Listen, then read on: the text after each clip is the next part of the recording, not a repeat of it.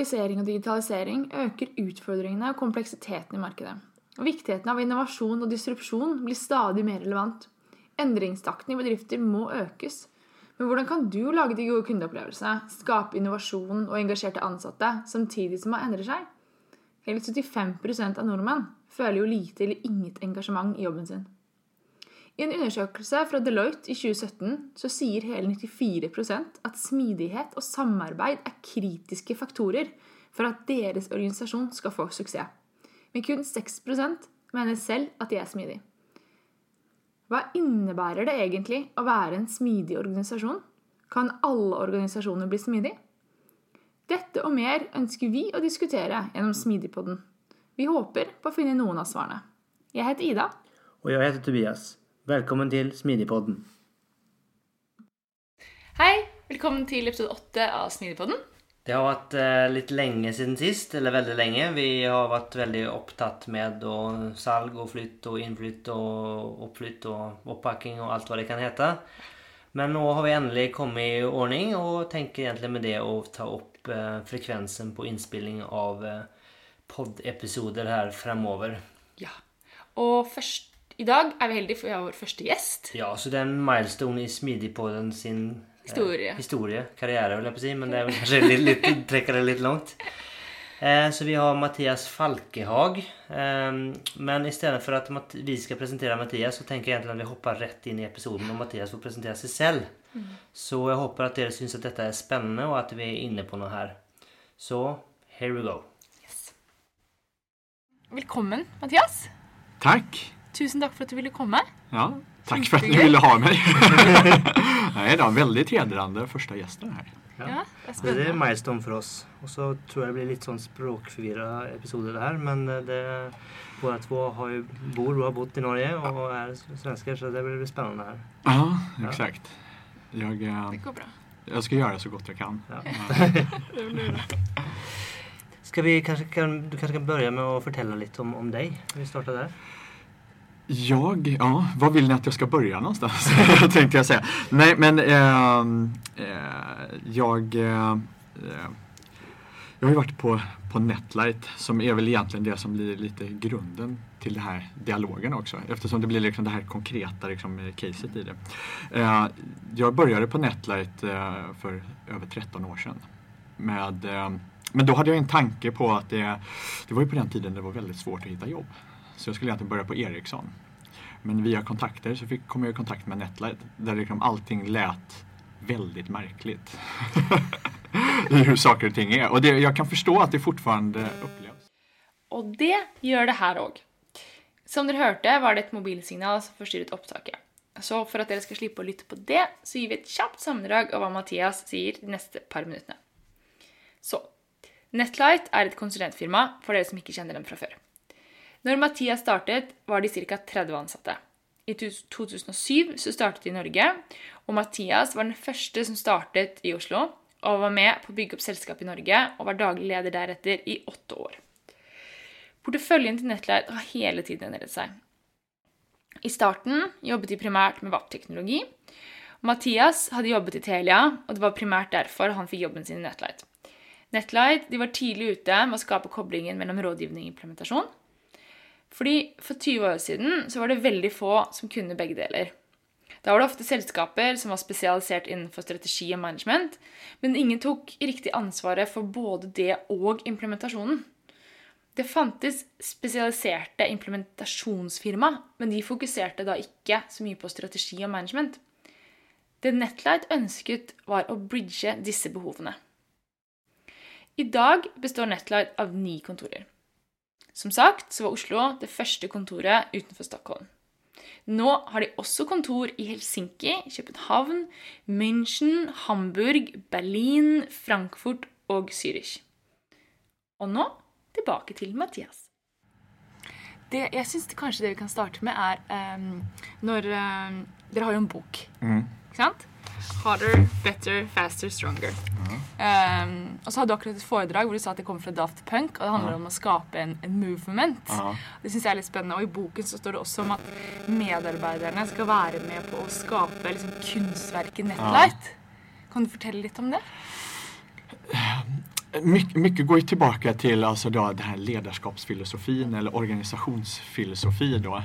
Eh, och det, många gånger så tar det liksom olika typer av uttryck. Men jag tror att det, om man vill bygga det som är då en, en, en smidig organisation eller organisk organisation som, som vi kallar det då.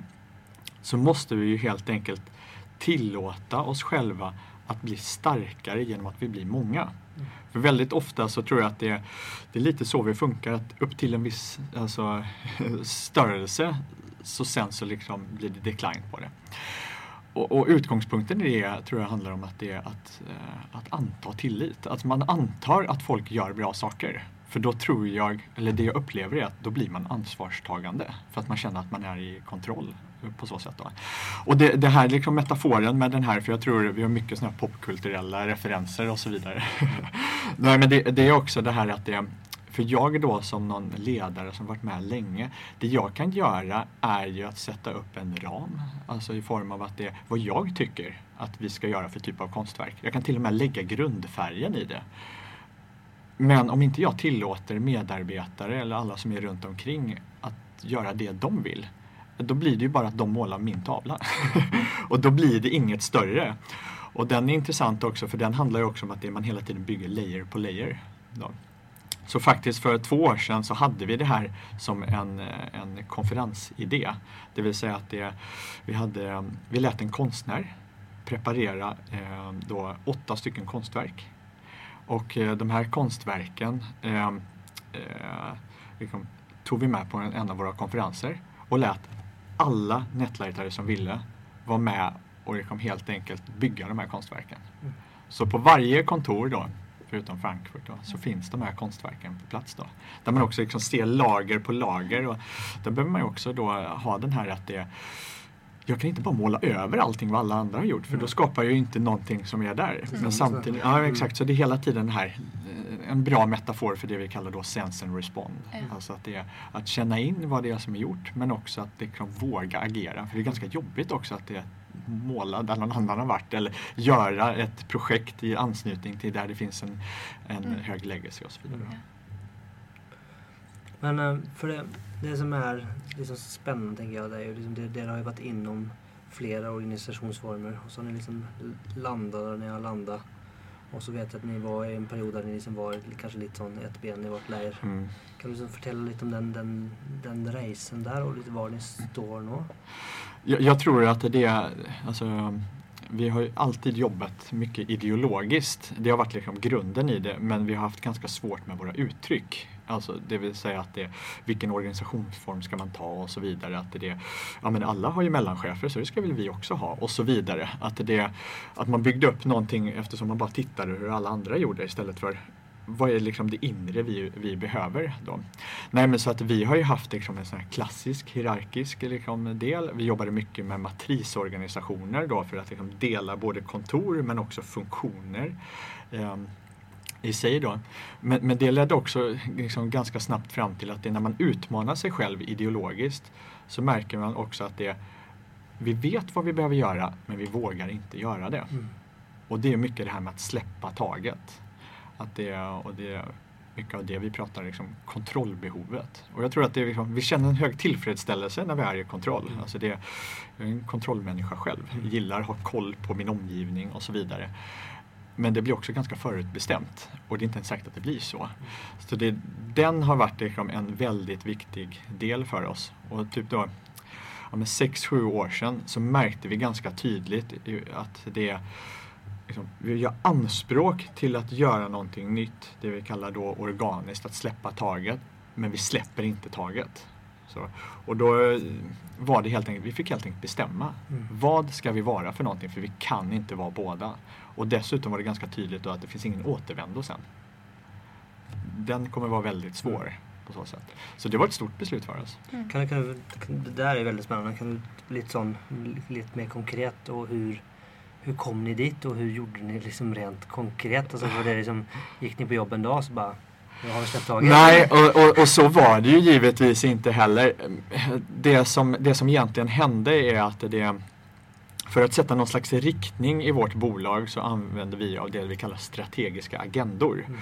Och de bygger mycket på i form av att det är där alla individer liksom ger input. Även om det är ett fåtal som skriver den så är det hela tiden att det är de initiativ som är i dagsläget sätter lite agendan för vart vi är på väg. Då. Vi var precis i slutet på en sån agenda. Mm.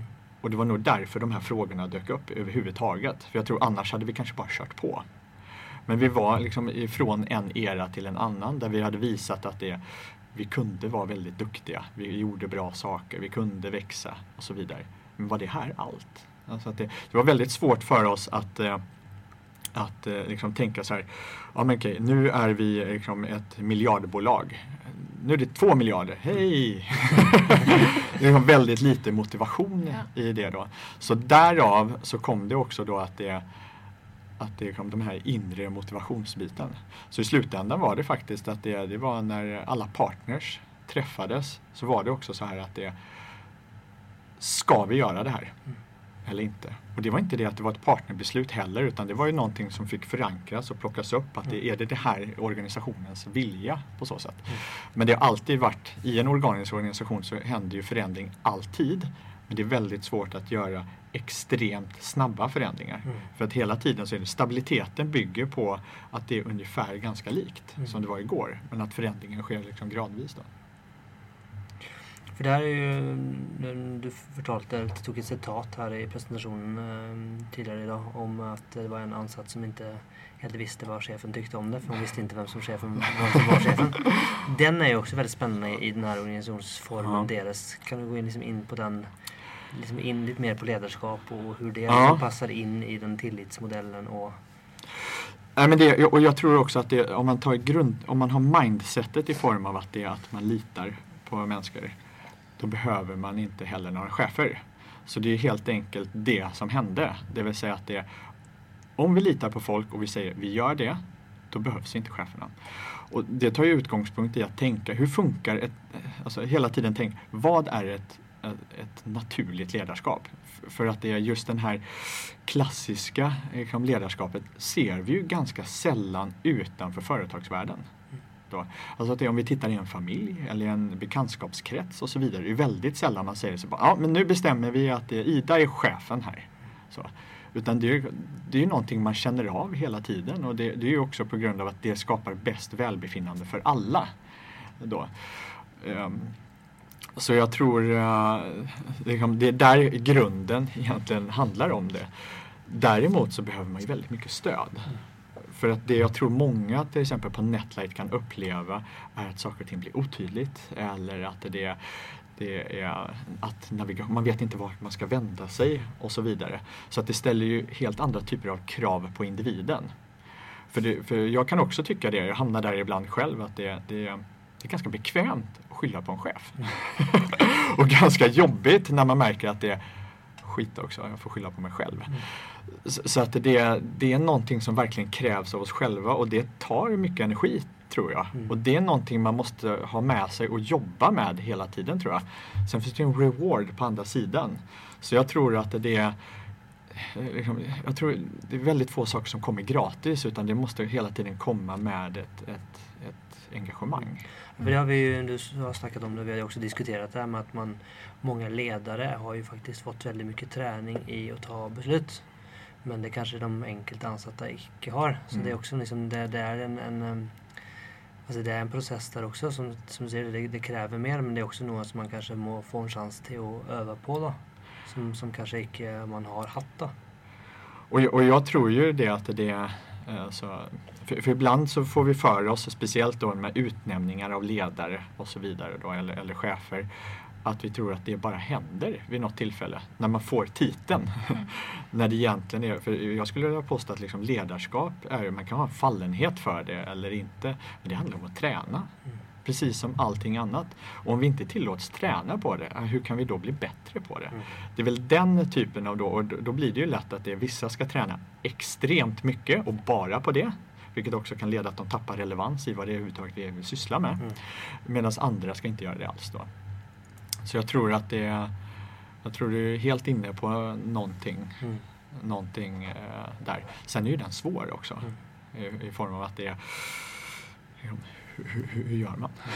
Men man kan du se lite om beslutsprocessen i Netlet? Så att man ska ha lust att göra ett eller annat, Ja. finna på något eller investera i något eller eh, vem bestämmer? Och, och det går ju hela tiden an på liksom, digniteten av en fråga. Ja. Och, och jag tycker att det är, det är hela tiden att jag återvänder till det, men, men det är också alltså, ehm, alltså, är det en stor fråga, som till exempel att det är ni bestämmer er för att flytta. Då är det någonting man måste tänka på länge, involvera många, ha många olika typer av aspekter. Medan i ett mikroperspektiv så vill vi försöka få bort så mycket som möjligt av det vi då kallar cykelställsfrågor. Mm. Alltså då de här alltså enkla sakerna som handlar om eh, då, man brukar eh, använda det ibland med att det är var ska vi ha cykelställ, hur många cykelställ och så vidare. Det spelar ingen roll, bara sätt dit dem om vi Mm. behöver dem då. Mm. Att det vill säga att det att låta övas på det som är de mindre besluten. Vilket till exempel kan vara då att det eh, har jag gjort ett gott nog jobb? Alltså hur gör jag, alltså får jag eh, ta den här lunchen liksom på eh, liksom, Netlights bekostnad? Liksom, är det rimligt att jag ska ta liksom, en konferens och vara borta två dagar? Ja, det här kanske är svårt, här måste jag söka råd. Mm. Då. Och så tittar vi helt enkelt, liksom, hur resonerar andra? Och hela tiden göra den här individuella tillpassningen. Då. För det jag vill lyckas uppnå med det här, för att det jag vill verkligen undvika det här med budgetar och så vidare, att allting ska vara likt för alla. För det vi, det vi, rättvisa är inte objektiv. Rättvisa är någonting som är upplevt. Så det går inte att skapa en objektiv eh, liksom, rättvisa. Då. Precis som jag fick höra från, eh, från en, en psykolog då, med, med barnuppfostran. Då, att det är, om, om ett barn är introvert och det andra är extrovert och så bråkar de och så skickar man båda upp på rummet. Så blir det i slutändan att den ena ser det som en belöning och den andra som ett straff. Så, och det är på grund av att vi är väldigt olika då. Så, så jag vill lyckas uppnå med det här är ju att vi kan, att vi kan eh, tillåta individer att göra det de behöver. Behöver jag den bästa datorn? Köp den bästa datorn. Behöver du gå på den konferensen? Gå på den konferensen. Sen är det givetvis att det överutnyttjar ju systemet och kollapsar det. Mm. Men det, det är där det kräver väldigt mycket i det. Och jag tror att den eh, är vi väldigt mycket i just nu, att utforska den alltså ännu mer i praktiken för att skapa en trygghet i det. Mm. Den, den, och den, den är svår. Mm. Men, men det är också på grund av att det, jag tror att det, hade vi övat mer på det under vår uppväxt eller i, på, på liksom, under våra studier och så vidare, då tror jag att vi hade varit bättre på det. Mm. Så att jag tror att det, det, det är någonting som behöver släppas. Vi behöver liksom lära oss att gå på nytt igen i, i en sån bemärkelse. Då. Mm. För, för då måste man också släppa att det, men, den fick gå på kurs, varför fick inte jag? Då? Mm. Mm. Den, får inte finnas då. Mm. Men hur mycket av sånt här ligger, liksom är, ligger öppet? Alltså vad, vad är, blir det liksom um, hanterat en till en eller liksom vet, vet man vad andra gör och vad de får, får lov till? Och, Jag, jag tror att det, det många söker är ju just, alltså, och speciellt om man är ny, för det är då det är som svårast, att det, eh, alltså, man söker regler. För det är det som är, för man vill Mm. inte göra fel. Mm. Då. Och jag tror att det är en av de utmaningar vi står inför är ju också att det, att det liksom tillåtas att testa utan att liksom så här att det bara roffa åt sig, men att testa att göra det. Men också att man kan tillåtas att få feedback på att det, nej, men det, vi kanske ska göra så här istället. Men då är det väldigt lätt att man känner sig kritiserad. Så, så det, jag, jag tror eh, eh, det här är liksom en, en aktuell fråga som vi verkligen, verkligen övar på. Och jag tror att det är framförallt så, så märker vi också att det är om, om seniorer, om inte jag kan det, hur kan jag då kräva att andra är det? Mm. Så vi måste alla hela tiden träna, träna på Mm. det på så sätt. Då. Mm.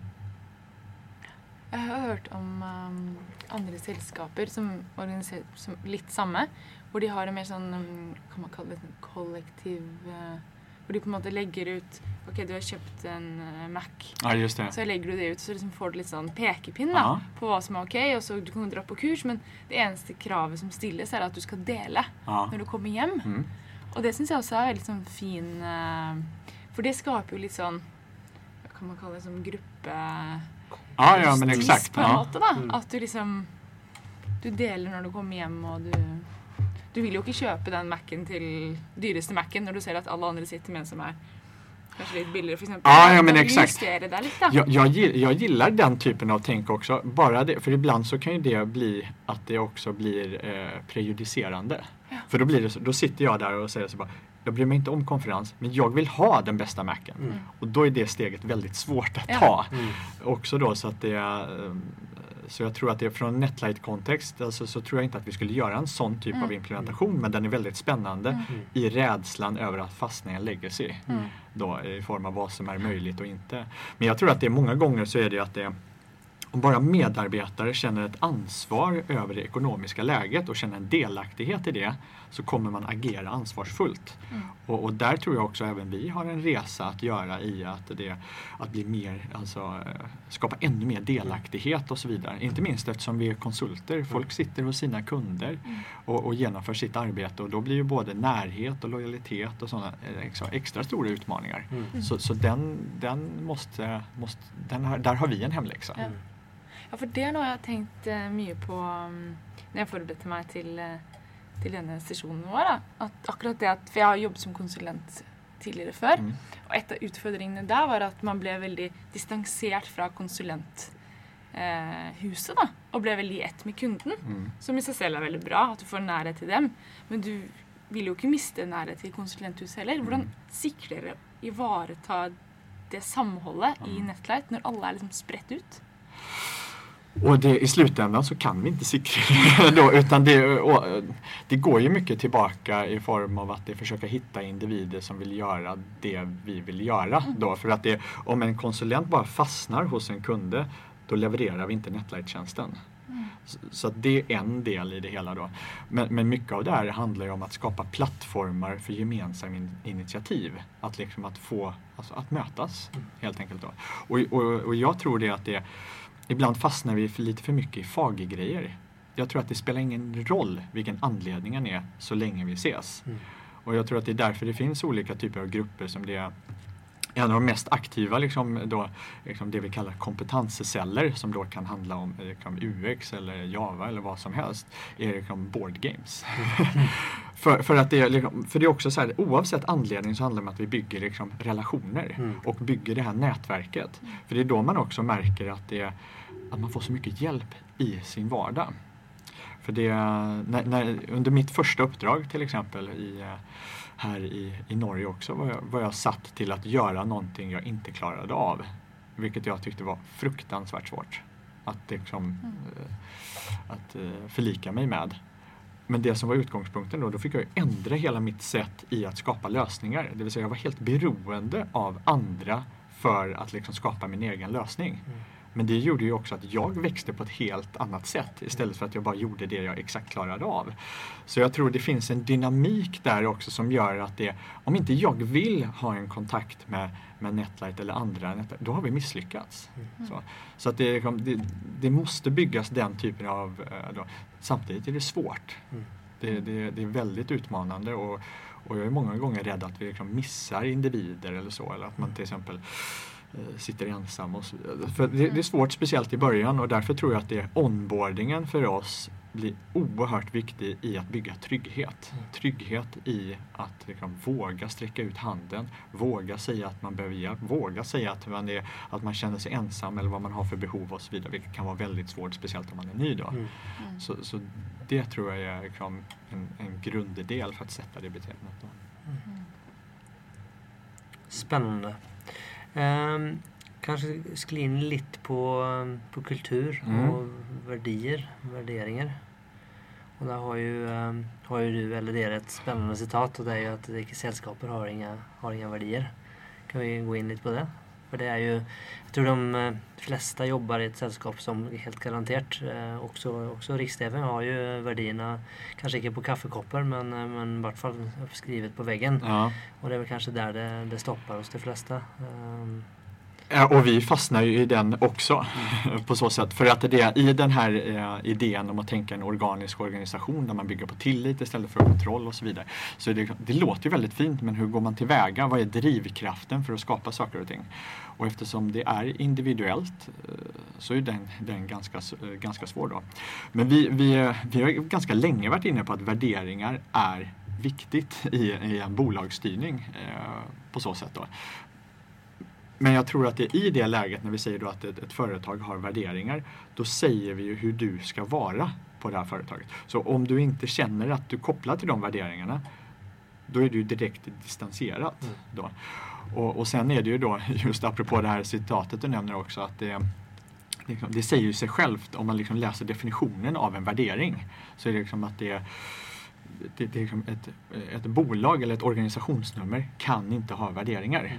Det enda du kan göra då om du gör en sån sak, för ibland görs det ju sådana undersökningar och så vidare, det är ju att man hittar kanske de tre, fem, sju värderingar som flest står för. Men då är det en kompromiss. Mm. Alltså då kan man aldrig tillåta alla att leva ut. Så jag tror att det är liksom, värderingar liksom, är en väldigt viktig del men de måste vara kom kompatibla då. Mm. Men jag tror att det är det som också leder till att vi blir bättre när vi blir större eller fler. För, det, Eh, för vi har ju växt liksom kontinuerligt med åren men om det bara hade varit för att bli större då hade det blivit mer utspätt. Det måste bli bättre. Så. Om det inte blir bättre då, då, då, löser vi egentligen ingenting. Då. Så jag tror att det, det har varit en väldigt viktig faktor att få nya individer med helt nya idéer och perspektiv som är kanske mycket mer relevanta liksom, eh, den kontext som är. Att det istället för att jag är en entreprenör som ska bestämma hur det är, hur skulle vi, tänk om det är 1300 entreprenörer mm. då med sina olika idéer och eh, tankar på det. Ni har ju kontor i olika land, olika byar. Um, nu är det ju Nordeuropa allesammans så kulturmässigt så är det kanske inte så stora skillnader men det är ju trots allt skillnader. Och det är skillnader i språk också. Kan du säga lite liksom hur det har klart att för det är ju någonstans Netlight och Netlight-kulturen ja. också i Tyskland. Och där är ju, där är ju kanske större skillnader än man kan tänka sig mellan säga, tysk och, och skandinavisk kultur. Då. Kan du liksom se lite hur du och, du och Netlight har jobbat med det då? Det inledningsvis, speciellt när vi etablerade oss i Tyskland, så var det ju äh, då upplevdes vi ju som liksom ett skandinaviskt bolag. Mm. Då. När vi etablerade oss i Oslo upplevdes vi som ett svenskt bolag. Eh, och, och, det som jag skulle vilja säga, och i Sverige upplevdes vi som alien. så, så, att det återigen så blir det liksom att det är den här bygga en kultur som inte nödvändigtvis har liksom landsgränser. Sen är det givetvis att det vi bygger liknande normer för att vi har liknande uppväxt och så vidare. Så det är klart att det finns lika med tecken i, i, i det där då. Eh, men jag tror att det är en av de viktigaste aspekterna i formen, för jag tror att det är därför vi har lyckats med liksom, etableringen i, i, i eh, Tyskland till exempel, eller i många länder, är ju istället för att vi, för det fick jag många frågor, ah, men det, hur ska ni göra i Tyskland? Ni vet ju hur tyskar är, de är mm. si och så och så vidare. och istället göra deras värderingar till våra. För, för, det går inte att generalisera och säga att en individ, det finns svenskar som är mer tyskar än en tysk. Alltså det, mm. Att hela tiden se på, på det utanför det som är landsgränsbit. Då. Men också att det, jag hade vi en annan konferens där vi tittade på för det är väldigt lätt att påstå det här att vi är liksom väldigt diversifierade och vi har olika liksom, äh, värderingar, står för olika saker. Äh, och, och, då gjorde vi nämligen en sån här äh, nu använder vi en, en Myers-Briggs och det spelar inte någon stor roll vilken, liksom, eh, vilken metod man använder. Men det som var väldigt intressant där och som var en lättnad för oss var helt enkelt att det, de som genomförde den här hade aldrig sett en så stor spread i olika typer av individer. Även om de såg olika ut. Alltså att täcka de här 16 liksom, kvadranterna då, mm. eh, när det gäller individer. Och det var också en så här bara och det var ganska skönt också att få den typen av bekräftelse då mm. att det, det finns en diversifiering i liksom, typer av personer. Mm. Netlight till exempel uppfattas ofta som eh, alltså, väldigt extroverta. Mm. Men det vet vi också att det, majoriteten är introverta. Mm. Uh, och, och, det, och jag tror att det handlar mer om att det, är du introvert men känner dig trygg så känner du också att du kan ta ett annat språk. Så jag, jag tror det, det, går inte att fastna i den heller. Då. Mm. Spännande. Du har ju läst något i boken Ida som du syns var spännande, den med meditation och yoga. Ska vi hoppa in på den biten? Åh, tänker du på Burning Horse? Ja. ja. jag syns det var väldigt kul. Det var väldigt spännande.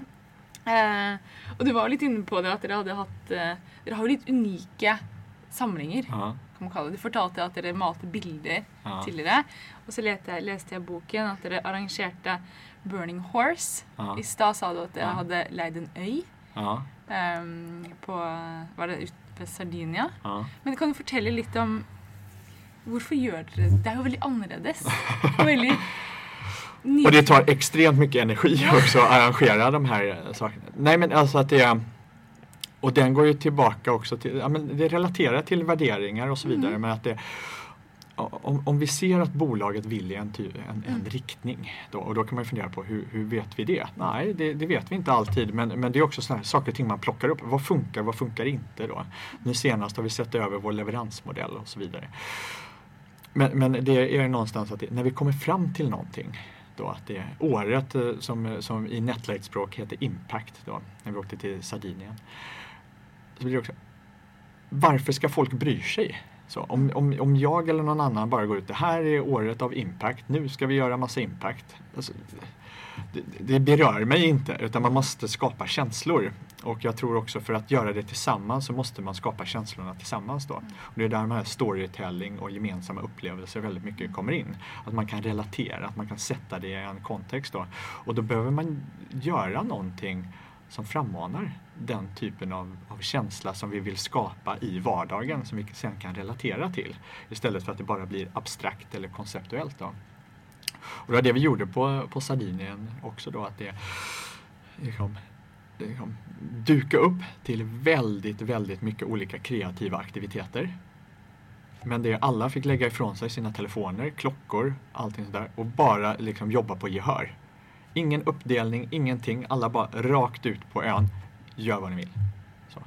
Och vi hade en princip också som var så här att det är If in doubt, assume yes. Bara också att säga liksom att det, för då blir det också att det hur kan kollektivet av Netlight då skapa liksom en, en impact, alltså för att utforska den då. Och det, och det blev ju väldigt spännande och en, en väldigt intressant upplevelse för de som var där tror jag. Hvor mange var dere?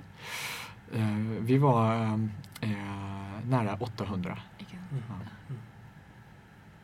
Jeg syns det er fascinerende. Mm. Og jeg syns det er inspirerende å høre hvordan man velger å løse utfordringer på en helt annerledes måte. Ja, för jag tänker det där hade man väl skickat en ledargrupp till eh, fjället. och kommit tillbaks Til en med ett... hytte, en hel til eh, tilbake med en Ja. strategi og Men, men det är väl den, och den, den återkommer vi ofta till också. Men att det är, och jag tror att det, det är därför också vi ses som lite konstiga och annorlunda. Det tyckte ju även jag när jag eh, kom- då skulle eh, komma till Netlight. Men, men jag tror att det, det jag tror vi har lyckats göra är att bygga en trygghet i oss själva. Alltså att det är lite på samma sätt att det Gillar jag de kläder jag har på mig då kanske jag liksom kan liksom känna mig mer komfortabel i mig själv. Alltså vi har alla olika typer av uttryckssätt då. Men där finns det också någon typ av norm i hur saker och ting ska vara och hur det inte ska vara. Och jag tror att det är inte nödvändigtvis på grund av, vi gör ju den typen av samlingar också, att det är det kan bara åka på fjället och så vidare då. Men det är hela tiden, vad vill vi skapa för någonting? Och inte fastna i vad är de förutbestämda lösningarna i det. Utan då blir det att det vill vi skapa en känsla där liksom 800 personer tillsammans liksom utforskar kreativitet och impact. Hur gör vi det? Och det är bara blank paper. Det är så bara, vi kanske skulle ha en egen ö, vi kanske skulle göra så här, vi kanske göra, ja varför inte? Mm. Ja, istället för, nej vi går på den här konferenshotellet igen. Mm. Mm. Så, då. så det handlar ju mycket om att törra också. Mm. Jag tror när man väl har börjat våga det där så vill man göra det igen. Mm. Tror jag. Bara att det ehm, jag vet att ni håller på mycket med, med, liksom med, med, med sport och liksom skidåkning och så vidare. Det är samma sak Mm. där tror jag också. Att det är att liksom våga utan att det behöver vara farligt. Mm. Mm. Spännande. Vad tänker vi? Ska vi kanske eh, runda av och gå in på våra tre Nei, sista? det her var så spennende. vill, du, vill du ta hand om det? Nei, men en, en siste Ja. mens vi er på temaet, da. For det, det går litt tilbake på det vi snakket tidligere om. Verdier og eh, at man At de ansatte Du kan ikke presse ned verdiene på hodet eh, Mm. på toppen av dem. Og det du liksom må, eh, må, må finne deg litt selv, da. Og med det identifisere deg med selskapet du jobber i. da, Det skaper sammen selskapet. Det synes jeg er så fascinerende at Netlight støtter opp om under det. da, Individene. Og at man kan skape noe sammen. Men det är också den där att det, det säger ju inte att det inte är vanskligt. Eh, och, och det är den jag tror att vi försöker, det är lite därför anledningen till att vi har skrivit den här boken också. Att det, jag tror vi behöver skapa ett större moment för att många av de saker vi, vi gör på det sätt vi gör har var- varit väldigt jobbiga att ta oss dit. Eh, Då. Och, och jag, tror att det, jag tror att vi bättre kan lära oss av varandra när det är fler som gör det också. Då.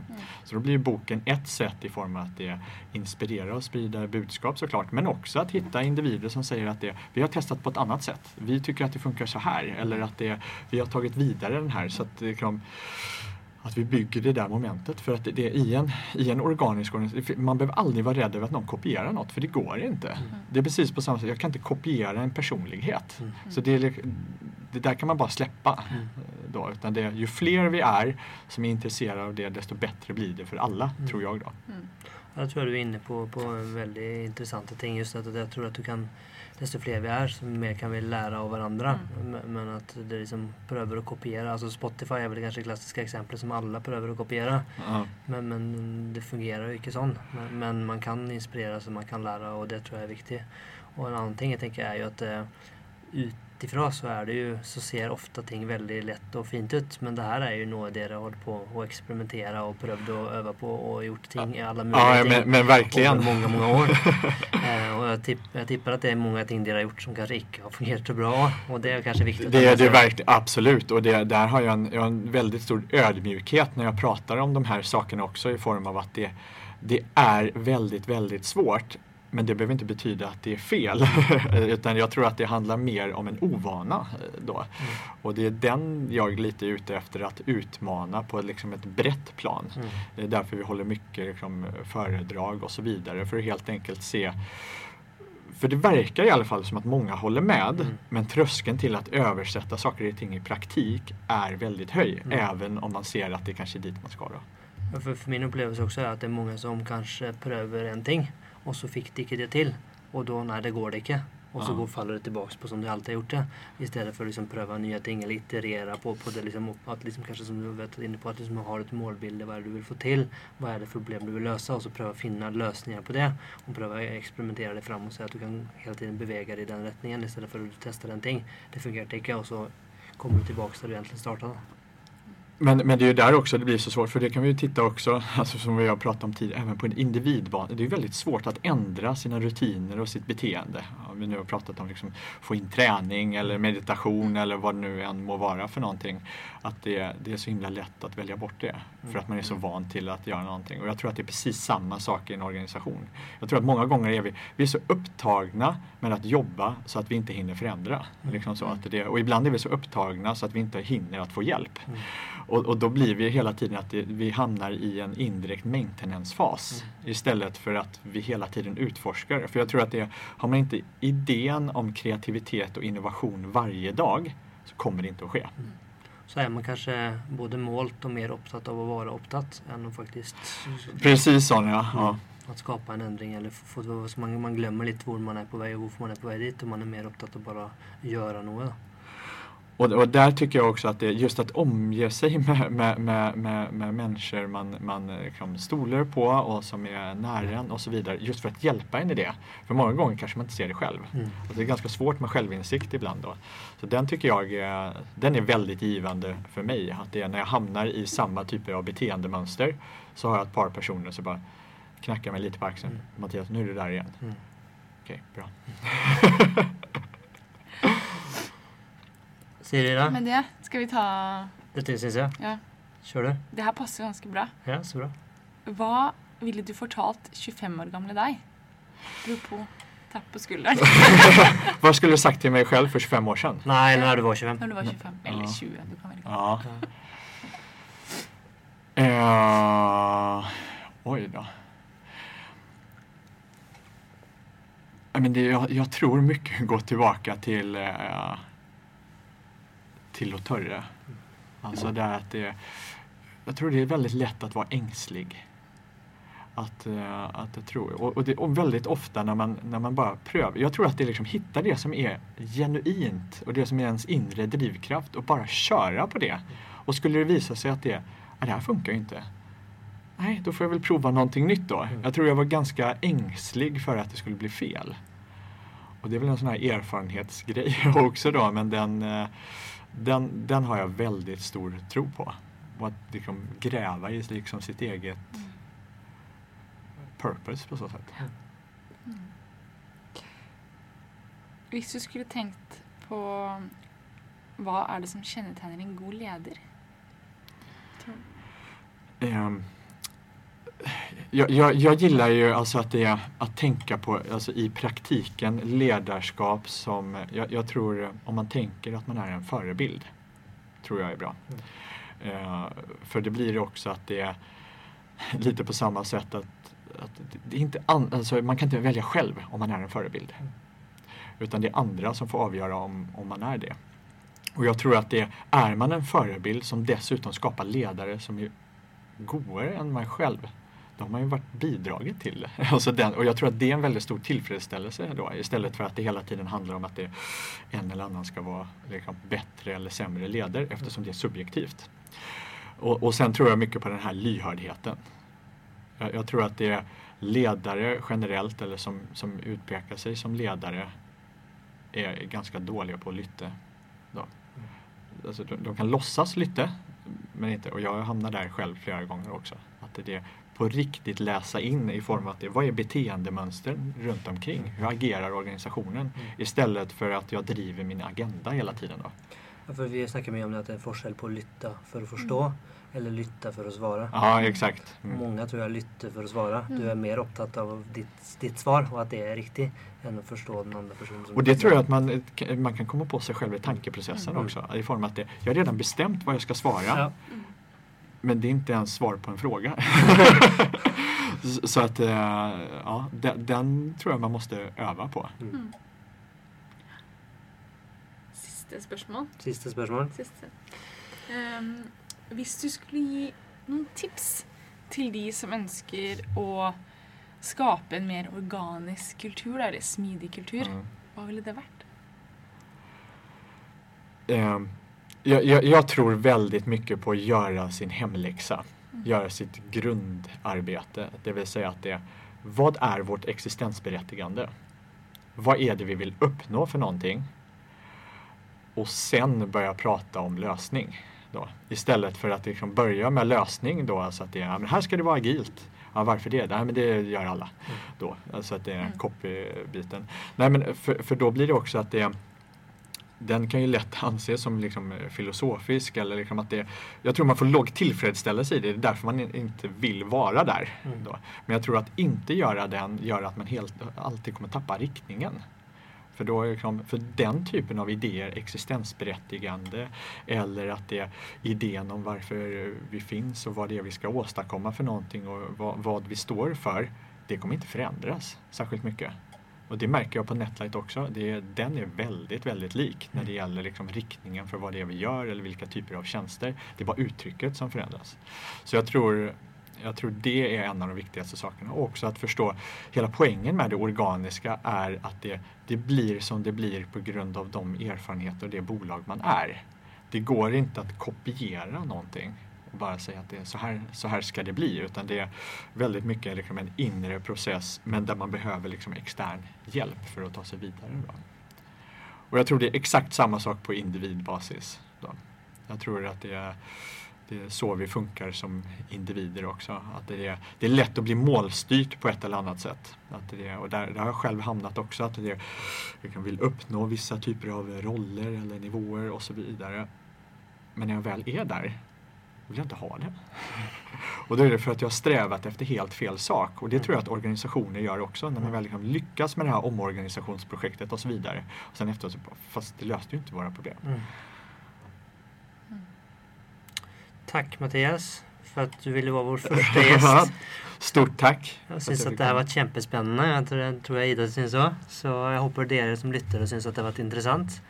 Um, og syns det at Mathias har vært spennende eller vært interessant å høre på, så, ehm, så er han rundt eh, både i Norge og rundt omkring og holder foredrag, så det er ikke umulig at eh, det finnes, kommer muligheter å høre mer. Og så har vi- Absolut. så har vi boken som vi kan anbefale, og da får man øvd seg på svensk òg, som Ja. er en bonus. Eller tysk. Eller Finns tysk. också, exakt. Det är release på tyska. Om två veckor? Ja, exakt. Ja. Eh, två eller tre veckor. Ja, spännande. Är det något sista du vill eh, säga Mattias för vi avslutar? Eh, nej, men ett, ett stort tack och dessutom är det eh, Alltså det, eh, om det är någon som vill höra av sig givetvis så är det bara till att Ja, hur det att komma i kontakt med dig då? Det kan vi ta. Ja, det, det enklaste är väl egentligen via, via Instagram eller via, via mail egentligen. Instagram heter jag Falkehag Mm. och eh, mail är mattias.falkehag.nettac.com.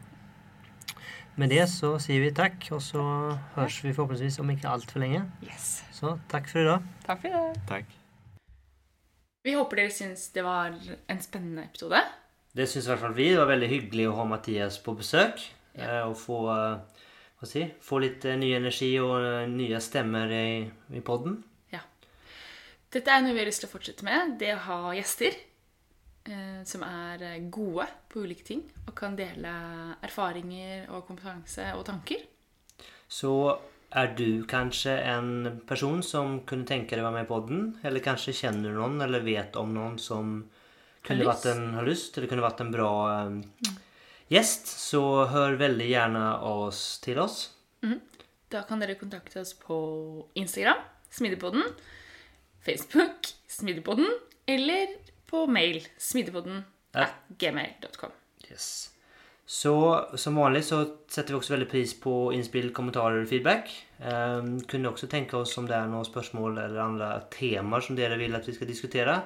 Så kan också det hjälpa oss att finna riktiga gäster eller riktig tematik i podden. Yes. Så till nästa gång, eh, ha det bra så hörs vi förhoppningsvis om inte allt för länge. Ha det bra! Ha det bra!